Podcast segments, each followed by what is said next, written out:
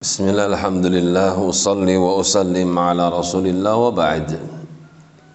Masih di dalam surah Al-Furqan. Sampai pada firman Allah. Qul, adhalika khairun?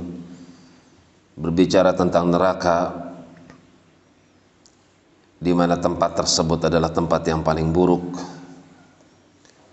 Neraka memiliki mata.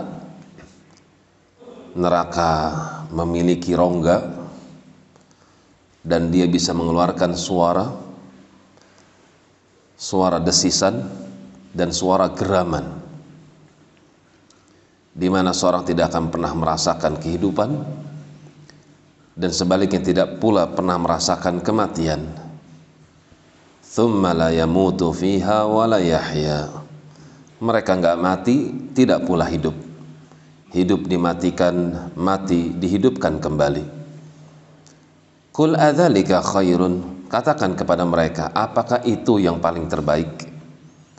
Am jannatul khuldil lati wu'idal muttaqun atau surga yang kekal di mana surga ini telah disediakan untuk mereka orang-orang yang bertakwa. Mana yang lebih baik? Kanat lahum jazaan.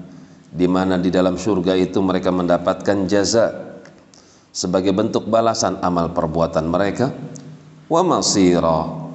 Dan itu merupakan tempat mereka kembali. Kampung halaman orang yang bertakwa.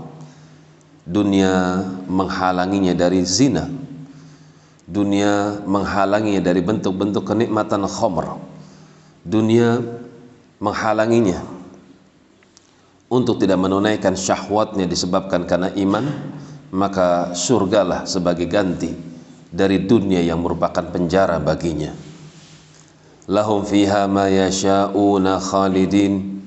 Sebagai bentuk ganti ketika mereka tertahan di dunia tidak bisa melakukan berbagai macam aktivitas sesuai dengan hawa nafsunya karena selalu berseberangan dengan syariat maka ketika mereka sabar untuk memilih syariat daripada memenuhi syahwat maka mereka dipersilahkan untuk menunaikan syahwatnya di dalam syurga.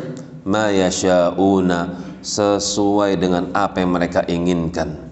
Khalidin dan mereka kekal di dalamnya. Kana ala rabbika wa'dan mas'ula. Dan ini merupakan janji janji Tuhan kalian. Di mana janji ini layak untuk kalian memintanya. Karena itu Nabi Shallallahu Alaihi Wasallam meminta kepada Allah surga dan sebaliknya meminta perlindungan kepada Allah daripada api neraka. Demikian wallahu alam bisawab.